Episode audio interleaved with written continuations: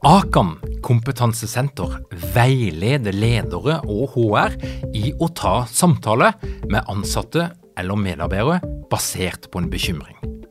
Akan setter ledere og medarbeidere i stand til å forebygge og håndtere en problematisk bruk av alkohol, narkotika, legemidler, spill eller doping blant ansatte. Ønsker du å lære mer om god forebygging og gjennomføring av samtale med en som du er bekymra for? Da kan du nå få tilgang på Akan sitt digitale samtalekurs til spesialpris, kun 760 kroner.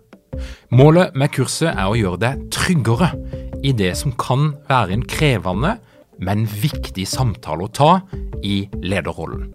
Du får tilgang til kurset med å gå til samtalekurs.no, samtalekurs.no, og bruke kampanjekoden LEDERPODDEN. Tilbudet gjelder ut april.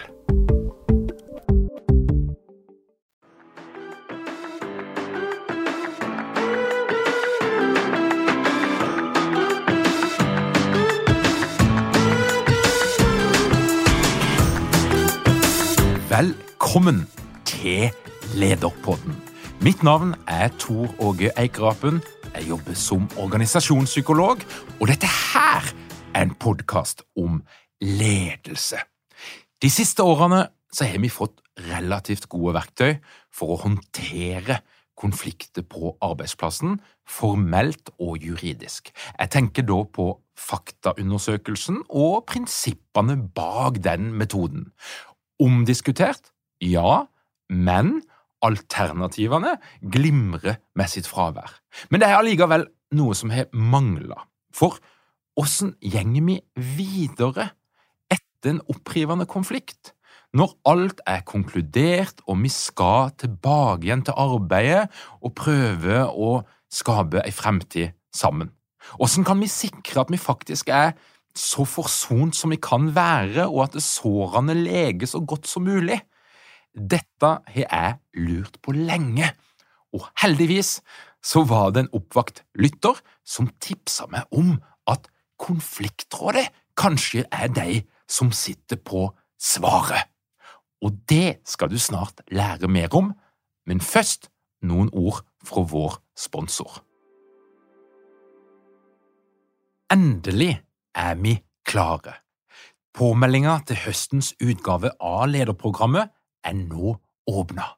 Vi snakker om tolv uker, to fysiske samlinger, seks digitale ekspertmoduler og læringsgruppe der du møter andre ledere. Du blir inspirert, du får oppdatert kunnskap, praktiske verktøy og innsikt som forandrer. Lederprogrammet er for deg som vil være best mulig rusta til å møte og skape endring som tør eksperimentere med ny atferd og nye metoder. Du kan melde deg på i dag på lederprogrammet.no. Velkommen til Lederpodden, seniorrådgiver i Konfliktrådet, Lars Otto Justad. Tusen takk. Hva er det mest motiverende med å jobbe i dette her feltet? Konflikter, mekling, mennesker som i utgangspunktet er litt sure på hverandre? Altså, jeg er jo veldig glad i å møte mennesker, så for meg så er det det som driver meg i jobben. Jeg møter ulike mennesker med ulike utfordringer, og det å, å være i kontakt med de, eh, det gir meg mye. Så Det er det som på en måte driver meg. Og så nevnte du eh, forsoning. Det er alltid veldig deilig når det oppstår, men det er jo ikke noe mål i og for seg for meg at eh, partene skal komme til en forsoning. Det er noe de må eh, komme frem til selv. Men de gangene møtene våre ender i forsoning, så er det klart det gir jo litt ekstra, og da, da er det godt å jobbe med konflikter. Mm. Vi har jo en sånn idé om at konflikter det kan løses gjennom å sette seg ned og snakke sammen, tenne litt stearinlys og, og legge til rette for å få fram følelser og behov. Men, men, men, eh, hva er det egentlig som ofte preger mennesket i konflikt? Hva er, som, eh, hva er, det som, skjer med oss når vi er i konflikt? Jeg tenker, uh, gjennom det jeg har erfart, hvert fall, at det er mange som er redde. Man, uh, man blir liksom litt annerledes. Man får noen bekymringer. Man blir usikker, man blir redd, rett og slett. Og da hindrer det oss kanskje i å tenke konstruktivt rundt det vi står i. Og da kan ting bli veldig vanskelig. Så det er jo ingen som liker å være i konflikt. Det kan være ubehagelig, og det gjør at vi trekker oss litt tilbake, og det blir veldig vanskelig. Og vi kan også grave oss litt ned i skyttergravene våre. Og det å møtes, det kan være en eh, ordentlig bauk for mange. Mm. Ja, er det mulig, Kan vi egentlig si at når vi er i konflikt, så blir vi en litt annen utgave av oss sjøl? Det vil jeg uh, absolutt kunne si. For da, da du, du, du, tenker liksom ikke på samme måten lenger. Man låser seg, ikke sant? og man får litt skylapper, og man ser ikke muligheter. Eh, og man blir eh, ytterligere kanskje redd for at det skal bli verre. Eh, og det, det tror jeg hemmer oss i å kunne se at det faktisk kan bli bedre. Så en skal være litt forsiktig med å dømme mennesker basert på det en observerer når de er i konflikt?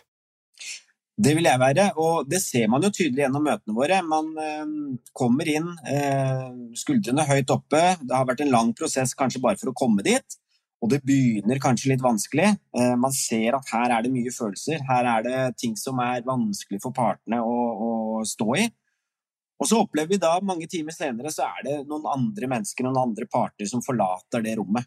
Og det er jo veldig gøy å være vitne til, da, men det beskriver jo også veldig godt hvordan vi mennesker er når vi står i konflikt, og hvordan vi er når vi har funnet løsning. Det er liksom to, to vidt forskjellige personer som kommer, og som går. Som oftest, da.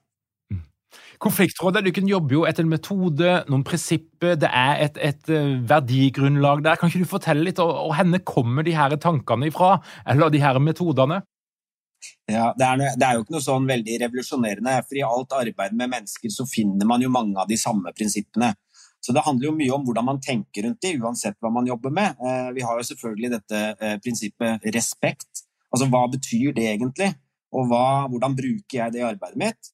Og skal man virkelig jobbe godt med det, så tror jeg man må hele tiden holde det høyt. Da. Hva innebærer det? Hva er det jeg gjør overfor den andre personen da, som innbyr til eh, respekt? For det gir jo trygghet. Så har vi jo andre prinsipper selvfølgelig som er gjeldende for oss, og sikkert for mange flere, men det er jo dette med involvering. Eh, det er jo dette med frivillighet. Vi kan ikke tvinge dette på noen. Folk må være med. Og så er det jo det at menneskene som står i en konflikt, de eier den konflikten selv. Og man kan se på det som Det er ingen som liker å være i konflikt, men man kan se på det som en ressurs for læring. Og det å ha troen på det, og troen på mennesket, troen at de som står i konflikten, de har selv muligheten til å finne veien ut, for det er de som eier konflikten, som Nils Kristi sa, det er viktig hvis man skal jobbe med gjenopprettende prosesser.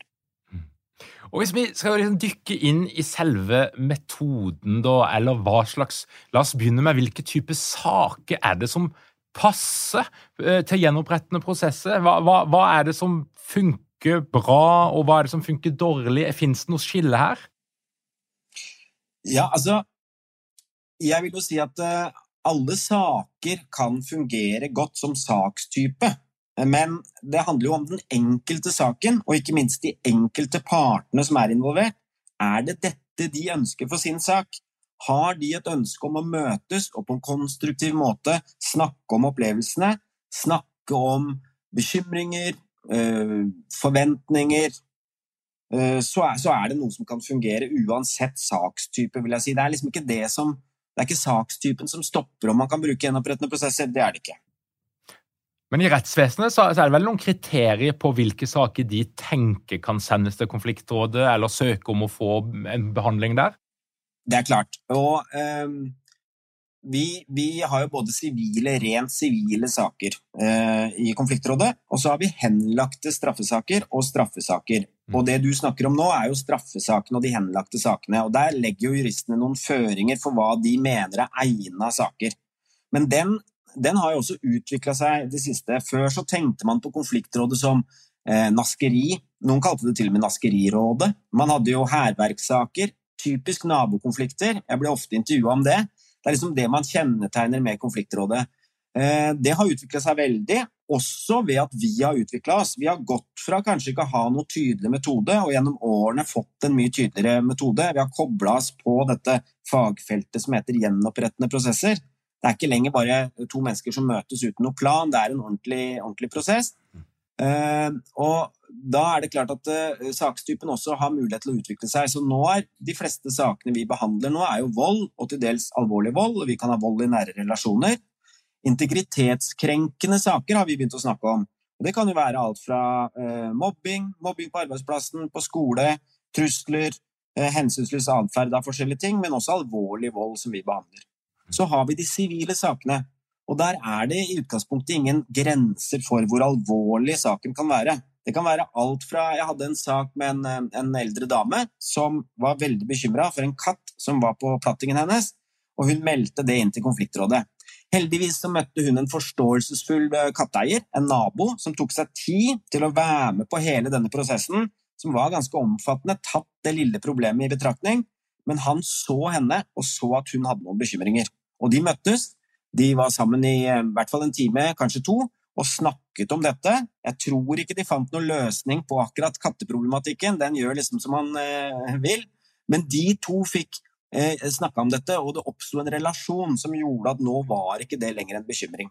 Da er vi over på de sakene som ikke er så alvorlige. Men den var alvorlig for henne. Og så har vi hatt mennesker som har møtt med drapsmannen til noen de enten er i familie med eller har kjent, eh, og det er jo alvor, veldig alvorlige saker.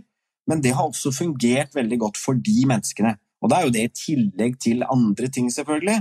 Men det illustrerer på en måte at det er ikke sakens natur som avgjør om den fungerer bra i konfliktråd eller med gjenopprettende prosesser. Det handler om partenes behov, partenes eh, ønsker, og det er der vi må legge oss. Mm. Jeg har vært med på prosesser i arbeidslivet der vi har gjennomført en undersøkelse. Vi har konkludert med at det er noen som har opplevd noe på arbeidsplassen som ikke er eh, OK, som bryter arbeidsmiljøloven. Um, og vi konkluderte med at det, det, der var ikke bra, og, og, og leder har da ansvar for å skape det, eller gjenopprette arbeidsmiljøet, som det heter. Men, men ofte så, så er det iallfall i min verktøykasse ganske tomt for hva gjør vi etterpå? Altså, Vi er enige eh, om at det som har skjedd, det skulle ikke ha skjedd, det var ikke bra, og det må stoppe, og, og, vi må begynne på noe nytt. Men så skal altså to mennesker jobbe sammen i det samme lokalet, det er kanskje en liten virksomhet. Og, og hva, hva, gjør en for noe, da? Hvordan, hvordan, kan du gå litt sånn inn i detaljene på metoden? Hvordan tilnærmer en seg et sånn type problemstilling?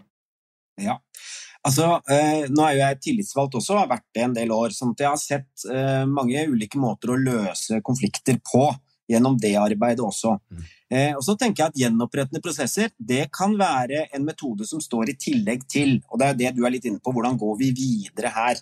Eh, vår metode det er den samme metoden vi bruker i alle saker. Det er den samme metoden i den saken med katten som når noen skal møte eh, denne drapsmannen. Eh, og den er nok litt spesiell ved at den an, altså vi, vi, kommer inn fra et annet, eh, fra et annet sted. Eh, og når alt er konkludert, som du sier, og man har funnet ut av hva som har skjedd, og man har gjort de tiltakene man skal og kan på arbeidsplassen, så er det kanskje noen behov der som ikke er svart ut. Det ser vi ofte, f.eks. også når vi jobber i skolesaker. Skolen har noen ting de må gjøre, de er lovpålagt å gjøre det, og det er helt rett å gjøre det. Vi står ikke noe kontrast til det. Men partene selv har et ønske om noe annet, og det er der vi kommer inn. Ehm, jeg vil gjerne fortelle litt om prosessen, mm. ehm, fordi ofte så er det en konkret hendelse som kommer til oss. Og det er det jo gjerne når det har vært en konflikt på arbeidsplassen òg. Det er én konkret hendelse. Og den hendelsen den har kanskje vært snakket om før, både enkeltvis med leder, og kanskje til og med at man har snakket om det sammen med leder, og i fellesskap på en måte delt litt erfaringer rundt det. Men vi gjør nok det mye mer rendyrka. Vi går tilbake, og så finner vi på en måte et anker for en historiefortelling. Vi har et forarbeid på forhånd med partene, hvor vi eh, utfordrer de også til å ta med andre berørte og involverte som kan tenkes å ta del i vår prosess. Eh, forarbeidet er utrolig viktig for oss, for det er der vi på en måte sikrer oss at det er dette partene vil. Det er der vi sikrer oss at partene eh, vet hva de går til. De kjenner prosessen vår, så det bruker vi mye tid på. Og så får vi høre litt hva de forventer seg, hvilken uh, ting de ser at dette kan bli. Når det forarbeidet er ferdig, og vi sitter i den ringen, og de har turt å ta med seg andre involverte og berørte, så starter det med noe vi kaller historiefortellingen. Og da blir hver enkelt av de involverte bedt om å fortelle sin historie. Da har vi én eller to tilretteleggere til stede i den sirkelen som ivaretar det. Eh, nå er det jo sånn at Partene kanskje begynner historien på forskjellig sted, og det er helt ok. Du har jo blitt satt i stand til å fortelle din historie og har brukt tid på den etter forsamtalene, etter forarbeidet, og kommer nå klar til å fortelle. Så vil vi bruke noen gjenopprettende spørsmål, noen åpne spørsmål, for å drive din historie videre. Eh, dette gjør vi for å kunne løfte fram andre sentrale gjenopprettende spørsmål, som hva mennesker følte, eller hva de tenkte til enhver tid da, gjennom historien sin. Og ved å gjøre det sånn, så fjerner vi oss kanskje fra den hendelsen som var utslagsgivende, men vi kan se mer hvordan den hendelsen eh, henger sammen med andre hendelser tidligere, og følelser og tanker som har oppstått underveis. På den måten så ankommer vi på en måte eh, hendelsen fra en annen kant. Mm. Og jeg liker å si at vi jobber med relasjon. For i disse historiefortellingene, der hvor hver enkelt får satt ord på sin historie, uavbrutt, og vi leder dette ganske, ganske strengt, så vil de som får muligheten og får lov til å lytte, de får jo se et annet menneske enn de kanskje har trodd. Og På den måten så ser vi mer helheten, vi ser det andre mennesket, og vi nærmer oss den aktuelle problemstillingen fra en annen kant. Så jeg liker å si at vi jobber med relasjon. Og når vi gjenoppretter den relasjonen, så kan vi begynne å kikke på, på hva er det denne saken handler om. Og det er jo etter at alle har fått fortelle sin historie, også de øvrige involverte. Og på den måten så kan vi lett gå videre og reflektere over det vi har hørt. Og da tar vi nye runder. Da kan man kommentere, da kan man stille spørsmål, Kanskje det er noe man glemte å fortelle. Kanskje man har opplevd noe som man ikke hadde skjønt, og liker å presisere det. Man har fått noen oppdagelser. Og man kan sitte sånn og reflektere, spørre spørsmål, kommentere. Fortsatt ganske sånn strengt styrt av oss, eh, fram til man på en måte er litt ferdig med det som har skjedd. Da blir rommet litt tomt for ord. Man merker på en måte at nå er vi kanskje ikke i havn ennå, men vi har hørt alle historiene. Vi har fått stilt spørsmålene, vi har fått kommentert, vi har ikke flere ord om det som var. Og da retter vi blikket framover. Og da spør vi den enkelte hva trenger du nå? For dette handler om behov, og så handler det om ansvar. Og hver enkelt får da muligheten til å si noe om hva er det jeg trenger, hva vil jeg videre, hva er viktig for meg. Det vi nå har, det er den maten vi trenger for å løse litt opp i det strenge regimet vi har, og så kan den gruppa i fellesskap bruke det de har hørt, og kanskje lage en plan for fremtiden. Så det er på en måte metoden sånn på 1, 2, 3, og så er det litt mer finesser underveis osv., men det er liksom tingen. Eh, historie, eh, refleksjon over historien, og hvor vil vi? Hva ligger foran oss i framtiden? Dette her er spennende materiale. Jeg får lyst til å være til stede i det rommet, kjenner jeg. For, jeg blir veldig nysgjerrig på mange ting. Blant annet så, så, tenker jeg at de her historiene er jo veldig subjektive, og det ligger sannsynligvis massevis av følelser og fortolkninger som er subjektive, og der den andre parten ikke vil kjenne seg igjen, eller vil oppleve at dette her er feil. Det var ikke sånn det skjedde. Ehm, og får lyst til å protestere. Og da lurer jeg på åssen dykken på en vennlig måte styrer den greia der. Det er viktig å gjøre det på en vennlig måte, i hvert fall. Eh, på forhånd her så har man jo eh, snakket sammen om noen regler for hvordan dette skal være. Ikke sant? Og det er jo frivillig. Man kan når som helst reise seg og gå. Eh, det skjer ikke så ofte, men det er en mulighet man har. Og det at man vet det, det gjør at man kanskje ikke eh, velger å reise seg og gå, fordi man vet at, eh, at man får ord etter hvert. Man har nøye, sånn, eh, gått gjennom nøye hvem som skal snakke i hvilken rekkefølge. så Man vet også at man får ordet, og man får den tiden man trenger. Et konfliktrådsmøte eller et gjenopprettende møte kan ta flere timer der hvor det kreves. Eh, og, og Da blir det på en måte litt sånn at vi, vi kan Hvis jeg merker at en eller annen er litt urolig og ønsker å avbryte, og kanskje gjør det, og kanskje gjør det flere ganger, så kan jeg på en måte med et smil og kanskje en liten latter eh, der hvor det skulle passe seg, si at nå ser jeg at du er ivrig. Nå ser jeg at du har noe å fortelle. ikke sant? Eh, og så minne om, om grunnreglene igjen, og så, og så, tar vi det videre da. Og så kommer vi til den personen etter hvert. Så det er viktig å gjøre dette på en, på en eh, smooth måte, selvfølgelig. Men, men, jeg opplever sjelden at det blir et problem, fordi grunnarbeidet, forarbeidet, er gjort så, så veldig nøye. Og så er ikke historiene viktig for å konkludere med hva som har skjedd. Det handler om å spenne opp den historien, litt sånn som en tørkesnor. Men istedenfor å henge klær på denne tørkesnoren, så henger vi følelser og opplevelser og tanker, og det er det som blir viktig for partene etter hvert. Så veldig sjelden så ender man opp i en sånn tautrekking om sannheten, fordi partene forstår at det er ikke det vi er for å lytte til. Eh, ofte er det etablert på forhånd, som du var inne på tidligere. Det er ikke nødvendigvis det det handler om. Eh, det handler ikke om å finne sannheten her, men det handler om å se hverandre og erkjenne hverandres følelser og opplevelser i det man har stått i. Og det har man jo stått i sammen. Sorterer dere på de her følelsene, tankene, opplevelsene? Ja, det var hendelsen, det var følelsen, det var tankene, eller, eller og, og, og dypt gjenger dere inn i det?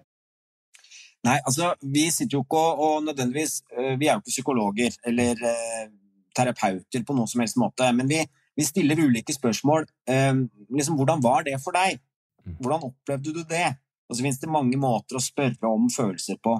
Men det som er viktig, er kanskje ikke Altså, Konfliktrådet vi har en metode, og det er på en måte mer et kompass enn et kart.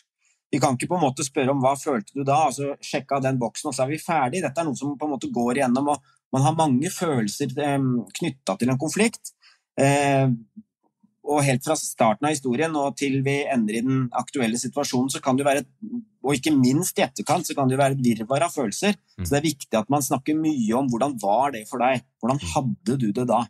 Um, og Da kommer det ganske klart fram for de som er så heldige å få være til stede og lytte, da, hvordan det mennesket har hatt det gjennom konflikten. Og Det er der vi treffer hverandre. Det er gjenkjennbart for oss. og Det er der vi ser at uh, vi er kanskje mer like enn ulike. og etter hvert så blir hva som har hendt, mindre viktig eh, enn hva som kan skje. Så Det er en sånn liten magisk ting som skjer, og det er vanskelig å sette helt fingeren på det. Du sa skulle gjerne likt å være til stede i et møte. Det vil jeg anbefale deg. fordi de aller fleste som er det, de blir litt overraska, og de lærer noe. Eh, og i opplæringen vår så er vi veldig praktisk retta. Vi bruker mye tid på det. Og jeg holder en del kurs. Eh, jeg liker å holde de ganske praktiske, men jeg kommer aldri dit hvor jeg klarer å forklare dette til deltakerne på kurset hvis ikke jeg får de til å bli med i en faktisk gjenopprettende prosess. For det er nesten umulig å forklare. Det er på en måte noe du må oppleve.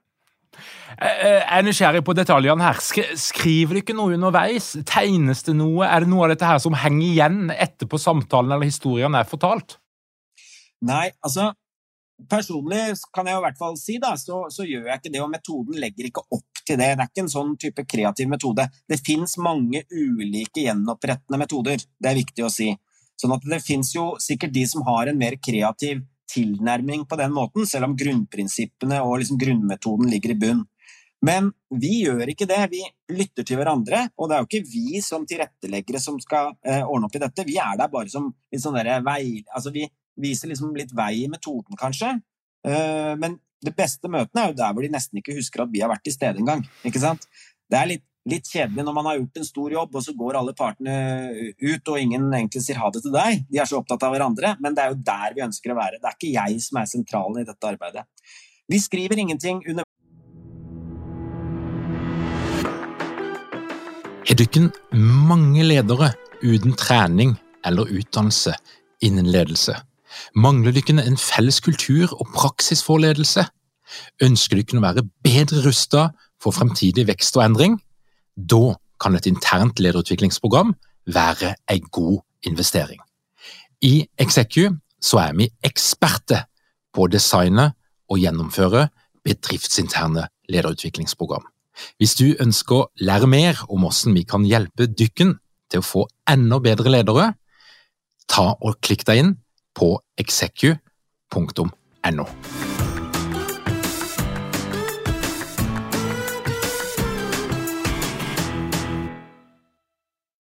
Annet enn hvis man liker å notere litt sånn for å eh, huske på hva man skal bringe opp igjen da når man kommer til denne fremtidsfasen. Men jeg tenker, når man kommer dit og man spør hva vil dere videre nå, hvis det er noe der, eh, og, du har brukt nok tid på det som partene velger å ikke nevne, så er det mest sannsynligvis en grunn til det. Enten så er det ikke så viktig lenger, eller så ønsker de ikke å ta det med inn i fremtiden. Sånn at det regulerer de på en måte litt selv. Jeg tror de som er til stede i en sånn prosess, de vet godt og de husker godt hva de ønsker å ta videre. Eh, så vi trenger ikke å skrive ned og, og gjøre den typen ting. Mm. Men vi skriver ned en avtale dersom partene ønsker det, eller en plan for fremtiden, om du vil. Det er klart. Det hjelper vi partene til å gjøre. eh, på den måten at vi kommer ikke med noe innspill eller noe ting som de skal ta med seg, men vi hjelper de rent fysisk ved at vi skriver den avtalen basert på det de ønsker å ha med i den. Mm. Og denne Fremtidsfasen, er det et annet møte, eller er det i samme sesjon? Vi tar det i samme sesjon som oftest. Men det kan være um, grunner til og ganger man ønsker å stoppe opp etter refleksjonsfasen. La oss tenke oss et møte, mange involverte. La oss tenke oss det har gått mange timer. Folk er litt slitne, de har lært mye nytt. Det er ikke så dumt da. Jeg vet at vi kanskje har muligheter til å utvikle akkurat den muskelen litt, da. Vi, som oftest er møtene våre i én sesjon. Men jeg har tenkt ofte at kanskje vi der skal ta en liten pause. Kanskje man skal møtes, la dette synke, og så møtes man igjen. Men det som er viktig, er at i konfliktråd så kan man ha flere møter. Og det er ikke sjeldent at vi har det. At man blir ikke ferdig. Man kan fortsette en annen dag, eller man kan ta et nytt møte senere. Sånn at eh, det er ikke en prosess som må skje i en sesjon. Den gjør ofte det, men det er muligheter for å, å variere og kombinere. Og det er egentlig partene som driver dette fremover. Så vi er jo tilretteleggere av det og vil høre på partenes ønsker og behov og, og følge det. Mm. Så eh, det, det er liksom tre steg her, hvis jeg hører det riktig. Det er en type forsamtale som er individuell. Eh, der vedkommende får tømt seg og fortalt sin versjon, men, men, den informasjonen blir sånn sett ikke brukt i etterkant, men den gir en slags antydning, et omriss av hva slags sak er dette her. Og så er det selve sesjonen, eh, der du både har historiefortellinga, og så snakker du om framtida, og så er det sånn at det alltid blir gjort en slags avtale eller formalisering av det som skal skje i framtida, eller, eller, er det noe som varierer? Altså, Ikke nødvendigvis, fordi noen ganger så um, Bare skyte inn der at etter historiefortellingen så er det veldig viktig at man har en refleksjon. For den historiefortellingen tjener jo ingenting hvis ikke vi kan snakke sammen om det vi har fått høre, før vi går videre til fremtiden. Mm. Det er veldig viktig. Uh, uh, og så var spørsmålet ditt i forhold til det med avtale det er jo noe partene må selv finne ut av. Så vi spør hva ønsker dere å gjøre videre nå? Og Da kommer de med ulike ønsker og behov. Og hvis de ulike ønskene, hvis de behovene blir møtt, noen tar ansvaret for å møte de behovene, så kan man jo velge å skrive det ned. Mm. Og i straffesaker så må vi jo det, for da må vi skrive det ned sånn at vi kan se at dette blir innfridd, før denne straffesaken eventuelt kan avsluttes. Men i sivile saker så skjer det ikke rent sjelden at partene sier vet du hva, denne prosessen har vært god for oss, dette er veldig bra. Nå er vi på en måte enige om at dette har vært fint, men vi trenger ikke å skrive ned noe. Vi, vi tar med oss det vi har lært fra denne samtalen. Denne prosessen var viktig. Og jeg tror vi må erkjenne at i konfliktråd så er avtalen alltid viktig, ja, men prosessen er det som er viktig, og så vil avtalen reflektere det. Og det er ikke alltid nødvendig å skrive den ned. Noen ganger er det bare sånn 'Dette var godt. Dette var fint å få snakket om.' Og så går man videre. Hei, jeg heter Bård Fyn. Jeg jobber på Norges handelshøyskole, der jeg forsker på psykologisk trygghet i teamarbeid. Min bakgrunn er fra Forsvaret, der jeg har eh, lang erfaring med å jobbe med praktisk ledelse og teamutvikling. Nå brenner jeg for å gjøre forskninga praktisk tilgjengelig, forståelig og anvendbar. Til høsten skal jeg delta på lederprogrammet. Det gleder jeg meg til, og jeg håper å se deg der.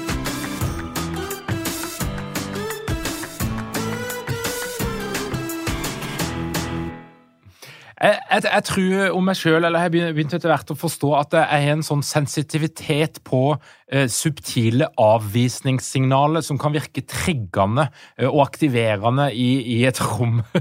Gjennom å ha jobba mye med grupper, så skjønner jeg at det er, det er, et eller annet med meg der som kanskje er talent, eller kanskje er noe jeg burde jobbe med. Men, men i hvert fall triggere.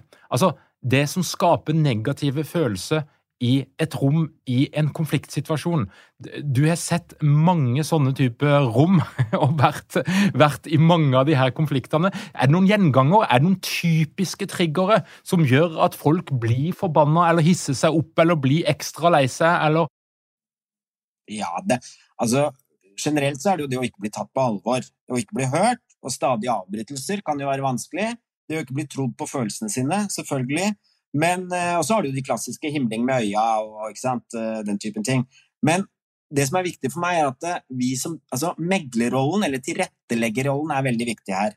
Og det å ha mot er også viktig. Det å tørre å stå i det. fordi det som skjer foran øynene dine, det er jo ekte. Og så kan vi like det eller ikke like det. Men det er faktisk ikke jeg som skal nødvendigvis passe på at den typen ting ikke skjer, og at disse partene kommer trygt i havn. Det er det de som må gjøre. Så hvis jeg velger å himle med øynene i et konfliktrådsmøte, hvis jeg er part, og du reagerer på det, og du reagerer faktisk på en sånn eh, grad at du velger å gå fra det møtet, så er det meg som himla med øynene, som har det ansvaret. Mm. Ikke sant? Da er det det som skjer. Eh, og så håper vi selvfølgelig å unngå det, og vi kan snakke med partene på forhånd om at de må tenke nøye gjennom hvordan de ønsker å bli eh, sett da, av den andre parten, og vi kan snakke om det med kroppsspråk osv.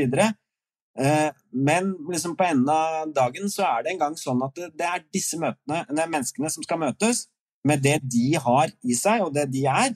Og da er jo det det. Sånn at det, det å virkelig tørre å stole på at dette må jeg skyve tilbake til de, og ikke prøve å rydde opp i. Og så kan man jo prøve igjen, ikke sant? Og så kan man bruke tid på det. Hva skjedde med deg nå? Mm. Jo, han himla med øynene, ikke sant? Og så må man snakke om det, da. Mm. Eh, og det å skjønne som tilrettelegger at det er ikke du som har ansvaret. Ikke sant? Det er ikke du som skal løse dette. Dette å ha liksom, klokketro på det grunnprinsippet at det tilhører de, det kan være utrolig vanskelig, og det er det vi jobber mest med tilretteleggerne våre. Og det er det jeg må jobbe mest med når jeg driver med dette. Det å sitte på hendene og la virkeligheten skje foran øynene dine, men å kunne gi støtte, det er, eh, det er vanskelig å lære, og det er vanskelig å gjennomføre, men eh, det fungerer best på den måten. Dette her, eh, dette her, trengte jeg faktisk akkurat nå. For, for min impuls ville jo ha vært hvis noen himla med øynene, så ville jeg gjort vedkommende oppmerksom på det ganske umiddelbart. At du, nå gjør du noe som sannsynligvis trigger det ene og det andre. Men det du sier nå, det er jo egentlig bare la det være. Ja. Eh, stol på den sirkelen du har. La oss tenke oss at vi har en to-tre parter eh, som er involvert, og så har de også valgt å ta med seg andre som er berørt eller på annen måte involvert. Mm. Da har du en sirkel. Og eh, jeg ser at noen himler med øynene, men det gjør også sirkelen. Og det å stole på at den vil absorbere og ta inn over seg det og si noe om det, hvis de ønsker det, hvis de har behov for det, det, det må man nesten stole på. Det min jobb blir, det er å gi plass til det. Sånn at eh, når jeg da går rundt i refleksjonen, så spør jeg hvordan, hvordan har du det nå, eller hvordan opplever du å sitte her? Og det er jo en kjempefin anledning for vedkommende til å si at nei, jeg opplever nå igjen å ikke bli tatt på alvor. Her himles det med øynene. Hvis det fortsetter, så ønsker jeg å gå. Ikke sant?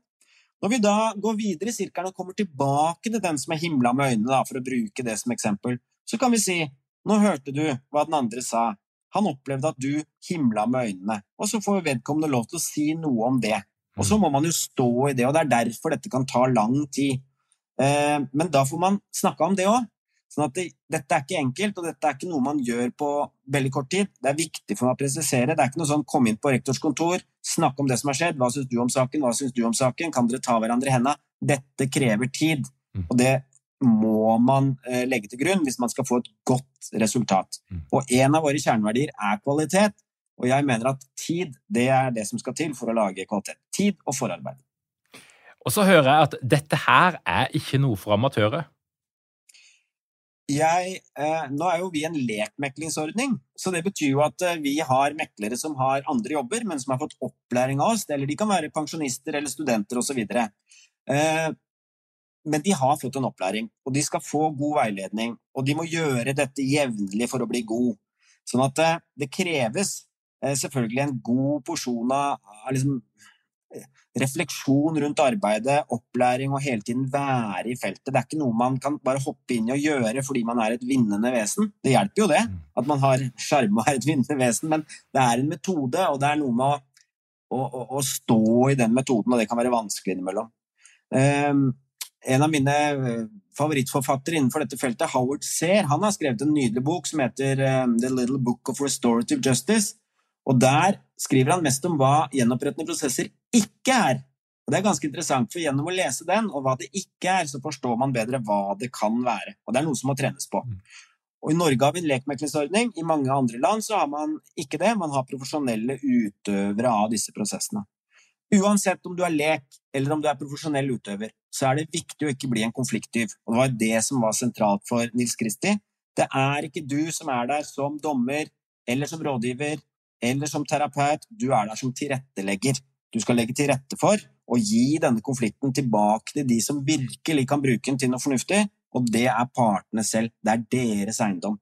Klarer man å knekke den eh, koden, så kan man bli en god tilrettelegger. Men konflikttyv det kan man bli uansett om man er lek eller proff. Det handler mer om å ikke klare å beherske metoden. Så den må man jobbe med. Og da hører jeg jo at uh, dette her er nok ikke noe som ledere skal drive med blant sine egne ansatte. Altså å være en tilrettelegger, sånn som du beskriver det her. Nei. Jeg har holdt mye kurs for skole, og, og, skole har noen ganger et ønske om å lære denne metoden, sånn at de selv kan benytte den. Og det er klart, det er ikke en umulighet, det, men jeg ville nok vært varsom med å bruke den hvis jeg selv hadde en eller annen form for rolle inn i denne konflikten.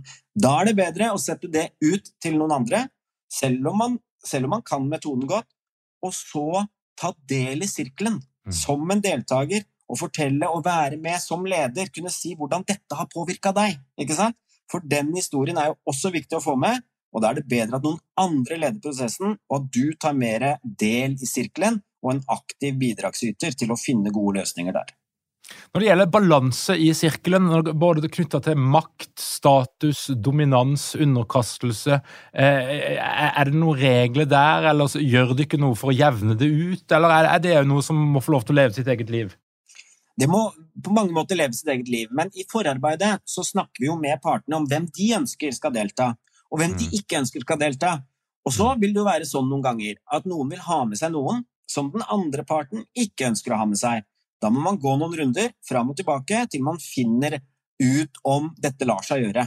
Da kan jeg spørre er det noen du ønsker at skal være med, eh, som kan gjøre det greit for deg at disse andre er med, osv. Mm. Eh, til syvende og sist så kommer man til den dagen man skal ha et møte, og da blir det enten et møte eller ikke. For det kan jo være at noen sier hvis den skal være med, så kommer ikke jeg, og den andre sier hvis ikke den kan komme, så kommer ikke jeg. Da er frivilligheten brutt, da er det ikke samtykke lenger, og da er det ikke dette partene ønsker. Da ble vi ikke, da kom vi ikke dit. Eh, men da har vi gjort et grundig arbeid rundt det. Og jeg tenker, jo mer vi klarer å involvere de som er berørt av, mm. eller involvert i en eller annen hendelse, jo bedre står vi eh, jo, bedre, jo nærmere er vi det å kunne finne en løsning, kan du si. da. Men om det er eh, en person som har bedt om å ha med fem eller seks andre, og den andre bare ønsker å ha med to, men godkjenner at de fem eller seks andre er med, det har ikke noe å si. Det er ikke noe sånn håndsopprekning og avstemning mot slutten uansett. Dette handler mer om at de riktige menneskene som partene er enige om at bør være til stede, er til stede. Hmm. Hva, eh, hva, hva, er mulighetene for um, virksomheter som da ønsker hjelp av konfliktrådet til konflikter som, som altså har funnet sted på arbeidsplassen?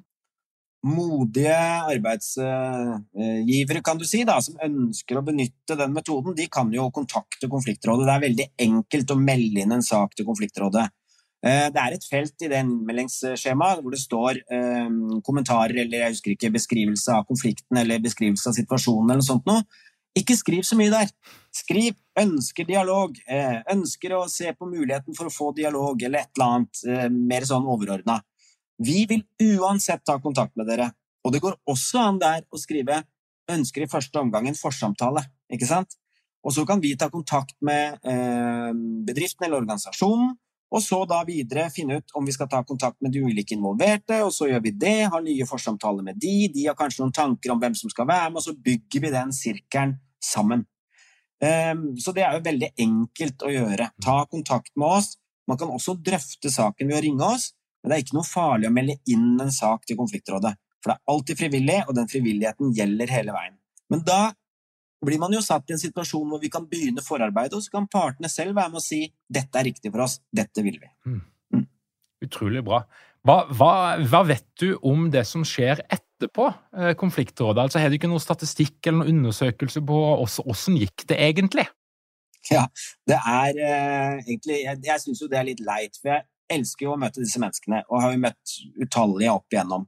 Og hatt mange saker. Og så er det et fåtall av de som jeg egentlig vet hva som skjer. Ofte så kan jeg jo følge en sak fram til en eventuell avtale er innfridd, og så vet jeg at det gikk bra, i hvert fall. Og ofte snakker jeg jo med parter etterpå, og de kan fortelle meg at de har hatt det veldig bra. Noen ganger så ringer jeg parter eh, og snakker med de og får høre hvordan dette har vært, og, og får vite da at dette har vært en ålreit prosess for de. Og dessverre noen ganger at det ikke var det. Men så vet jeg ikke mer enn hva som skjer liksom på en måte etter det. Og det, det er litt sånn eh, Noen ganger så er det litt sånn vondt at nå har vi stått i den prosessen sammen, og så er vi ferdig med saken, og så går vi videre med vår sak, og de videre i sitt liv. Sånn, sånn, at det er litt sånn vanskelig å vite. Men jeg har jo fått noen tilbakemeldinger, jeg har jo snakket med noen. Og jeg har jo noen gode sånne historier der ute. Men forskningen på dette er for dårlig i Norge.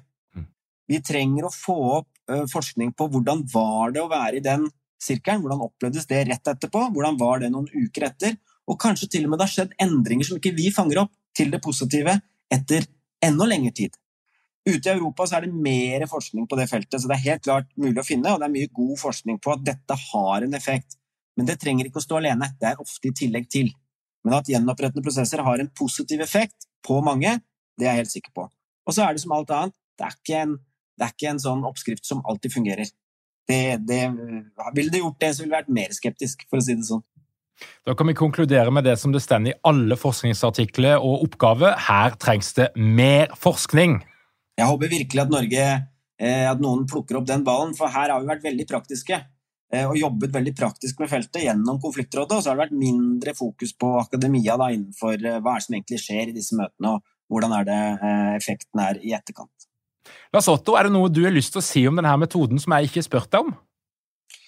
Nei, jeg syns du har vært veldig god til å sette deg inn i hva dette er, og stille meg spørsmål som gjør at jeg kan kanskje nyansere bildet av hva en gjenopprettende prosess er, eller hva konfliktrådet jobber med. Men jeg vil jo si at for de som tør å melde inn en sak, og kanskje tør å prøve å stå i en sånn prosess, så er det en stor gevinst i andre enden.